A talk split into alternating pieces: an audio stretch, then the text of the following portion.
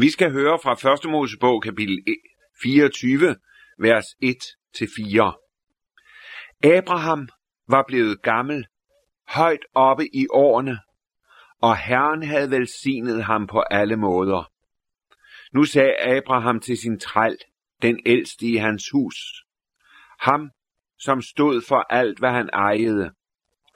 Læg din hånd under min lænd, så vil jeg tage dig i ed ved Herren, himlens og jordens Gud, på, at du ikke må tage en kone til min søn blandt de kananæiske kvinder her, hvor jeg bor. Men du skal rejse til mit land og min slægt og hente en kone til min søn Isak. Amen. Det 24. kapitel i 1. Mosebog er et utroligt rigt kapitel. Vi kan sige, at Abraham spiller ikke den store rolle i dette kapitel direkte, men han gør det i sandhed indirekte. Vi møder nemlig her hans betroede træl Eliezer, som han har sat over alt, hvad han ejede. Og denne tjener beder han om at tage til, sit, til sin hjemstavn og hente en hustru til sin søn Isak.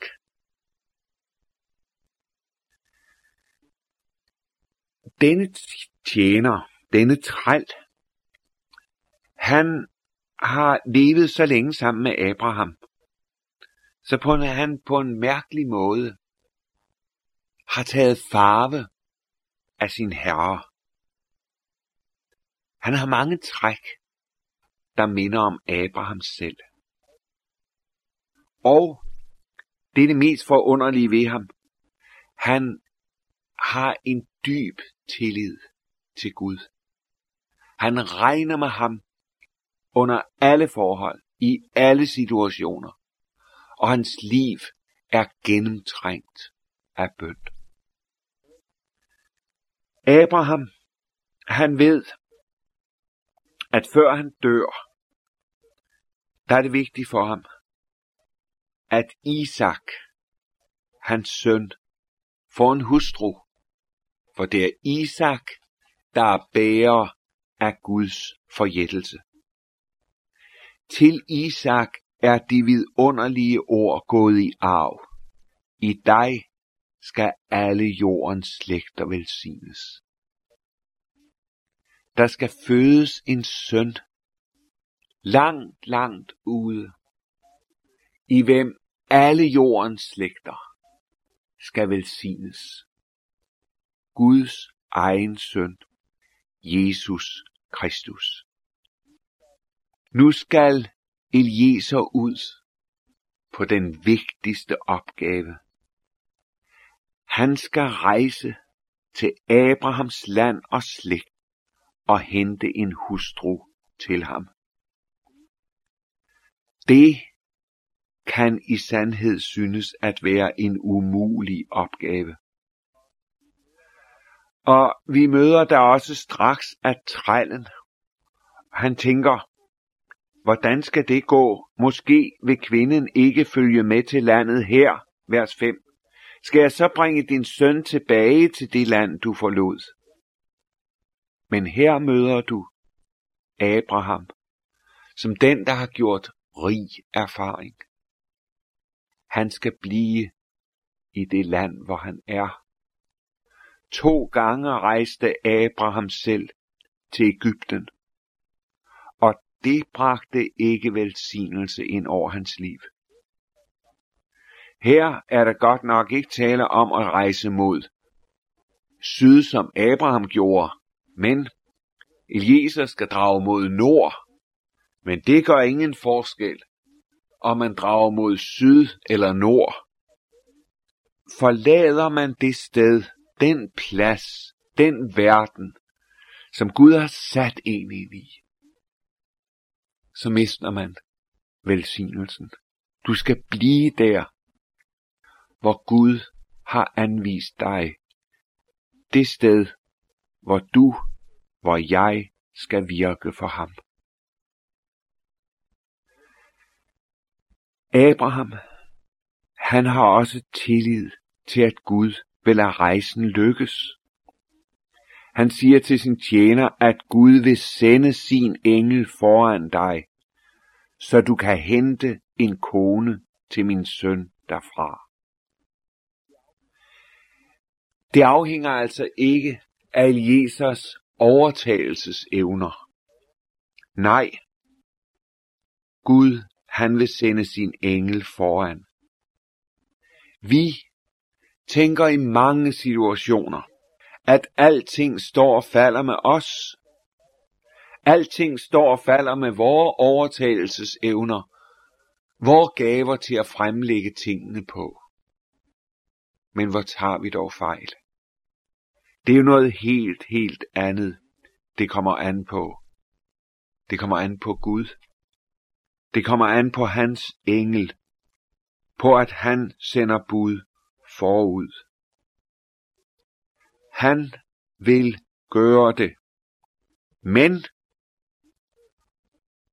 hvis Abraham nu tager fejl, sådan er det jo i livet.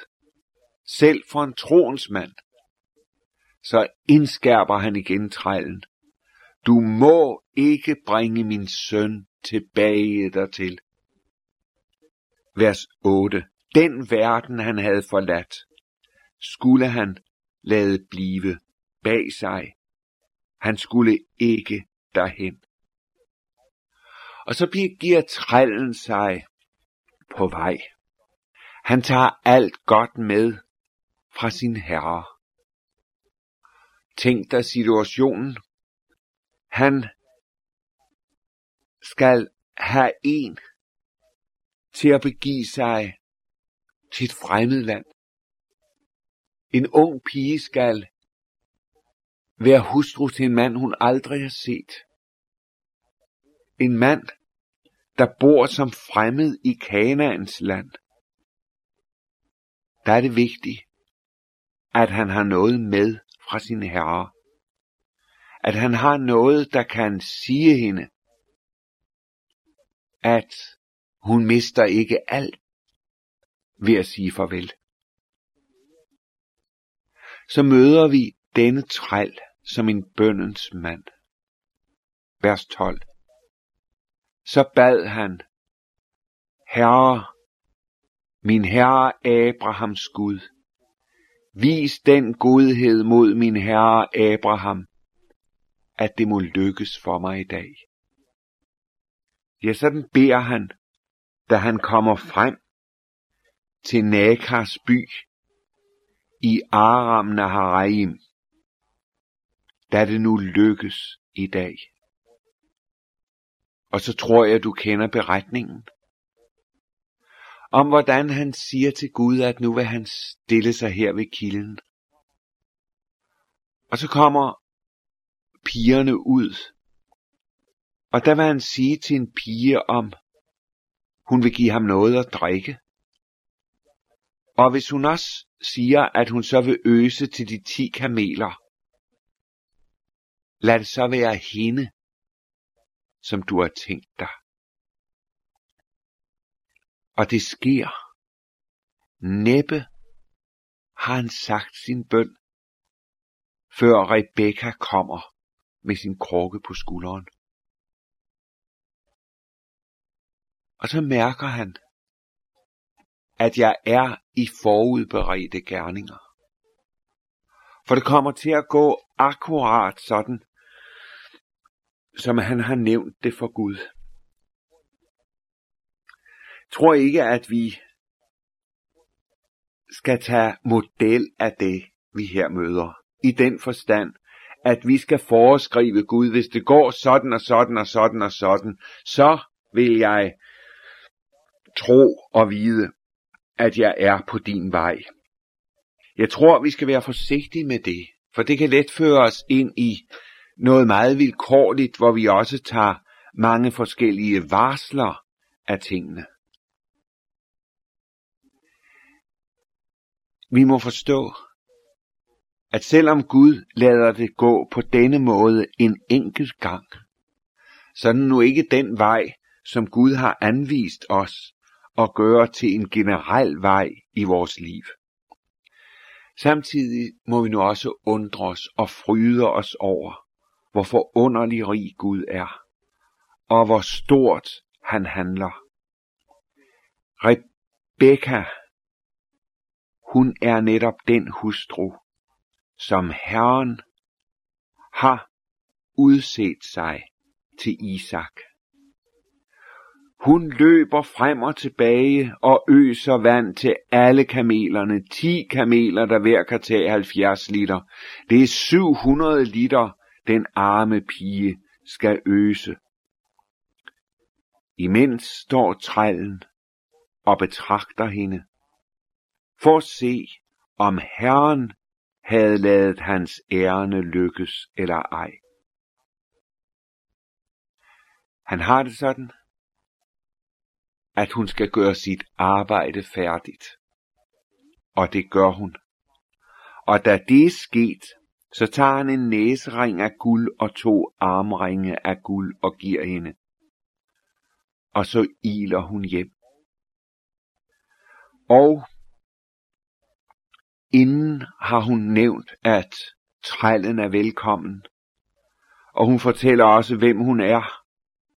Og der bøjer manden sig dybt for Herren. Vers 27. Og sagde, lovet være Herren, min herre Abrahams Gud, fordi han ikke har svigtet sin godhed og trofasthed mod min herre. Herren har ført mig af vejen til min herres brors hus. Han bøjer sig for Gud. Hvorfor tror du, han gør det?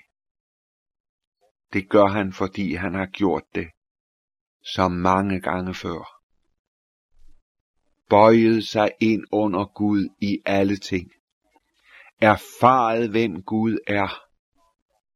Og han, så ser han også i det, der her sker, ikke heldige omstændigheder af den ene eller den anden art. Nej, han ser Guds trofasthed Guds godhed i alle ting. Hjemme hos Rebekka, der bliver der et stort postyr. Hvad er det? Noget helt usædvanligt. Noget er sket i deres liv, deres ensformige liv, som virker som om det var et eventyr.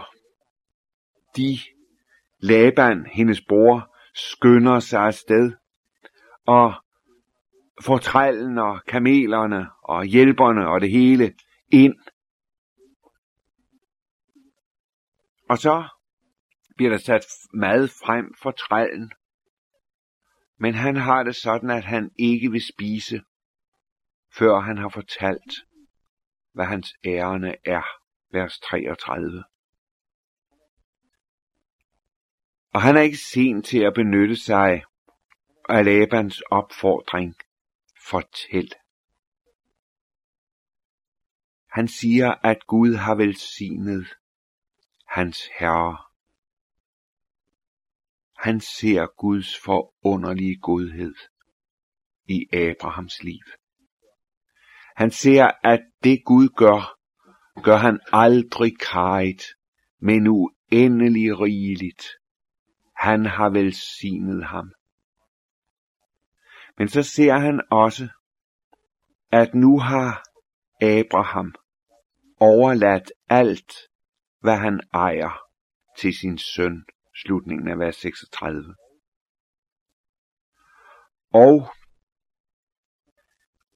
så fortæller han, hvordan det er gået. Og læg mærke til hans ord om sig selv, vers 40. Herren for hvis ansigt jeg vandrer, vil sende sin engel med dig og lade dit ærende lykkes. Han har ikke glemt, hvad Abraham sagde. Abraham havde mindet ham om Herrens engel, om at han kunne lade det umulige lykkes. Det havde han klynget sig til, og det tror jeg, vi skal lægge mærke til. De ord, de løfter, de forjættelser Gud har givet. Du må vende, tilbage til dem, gang på gang. I vers 42 nævner han så også, at han stod og bad. Herre, min herre Abrahams Gud, Gid du dog ville lade mit ærende lykkes. Og så ser han, hvordan Gud han griber ind. Og der bøjer han sig dybt for Herren, vers 48, og priser ham af hele sit hjerte. Prøv at lægge mærke til, hvordan han i alt er gennemtrængt af bevidstheden om, at Gud er en levende, handlende, virksom Gud. Det virker så stærkt, at Laban og Betul må sige i vers 50, dette kommer fra Herren. Vi kan intet sige til det. Det bliver et ja fra deres side. Og så kaster Abrahams træl sig igen til jorden for Herren. Han er inde i en række, inde i en kæde af forunderlige bøndesvar. Men, og det skal vi også lægge mærke til, hindringerne kommer. Næste dag, der vil han afsted. Men Laban og Betuel, de er ikke indstillet på det. De beder om, at pigen må blive en halsnes dage, og så kan hun rejse. Vers 55. Men der er trællen klar over, hvad det gælder. Sink mig nu ikke. I må ikke sinke mig, siger han. Da Herren har lavet mit ærende lykkes, lad mig rejse til min herre. Laban og Betuel, de er klar over, at nu må vi have pigen til hjælp. Og de spørger, om hun vil rejse med manden. Læg mærke til, hvordan der i deres ordvalg ligger det. Prøv nu at tænke på, at du skal rejse med sådan en fremmed mand. Vil du det? Og så står der om hende. Hun sagde ja. Indlod sig ikke i lange diskussioner, men hun sagde ja og så begav hun sig på vej. Og så fik hun lov til at møde Isak, og han tog hende til kone, og han elskede hende, står der i vers 67. Han elskede hende. Dette skridt, som Rebekka tager, bringer han hende ind i den slægt, hvor over Guds forjættelse hviler. På en forunderlig måde er denne træl et billede på den hellige ånd. Den hellige ånd, som går ud over jord og kalder og drager, for at Jesus skal have et folk, en menighed. Han skal have en brud, der hører ham til. Og denne hellige ånd kommer også med rige gaver fra Herren selv. Denne ånd kalder, drager, kalder dig og mig til at bryde op, til at følge, til at begive os på vej, på troens vej. Kalder os ind i Jesu Kristi følge, ind til ham selv. Vil du gå? Vil du med? Vil du følge ham? Lad dig nu ikke hindre. Bryd op. Gør det nu. Læg dit liv i Jesu hånd nu. Lad Helligånden få lov til at drage dig ind i den nådens rigdom, som syndsforladelsen er der hvor alle dine sønder er slettet ud, for Jesu Kristi lidelses og døds skyld. Bryd nu op. Tøv ikke. Det er ikke de mange ord. Lær af Rebekka. Hun sagde, da de spurgte hende, om hun ville følge manden. Ja. Sig det samme. Det ene ord. Ja.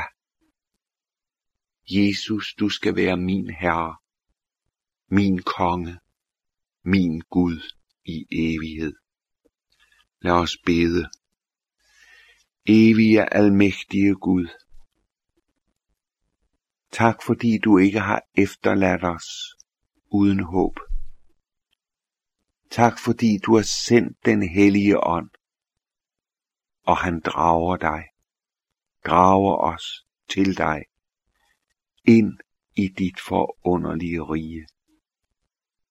Herre, vi beder om, at vi alle må kende dig, og alle må nå målet, vores sjæls evige frelse. Amen.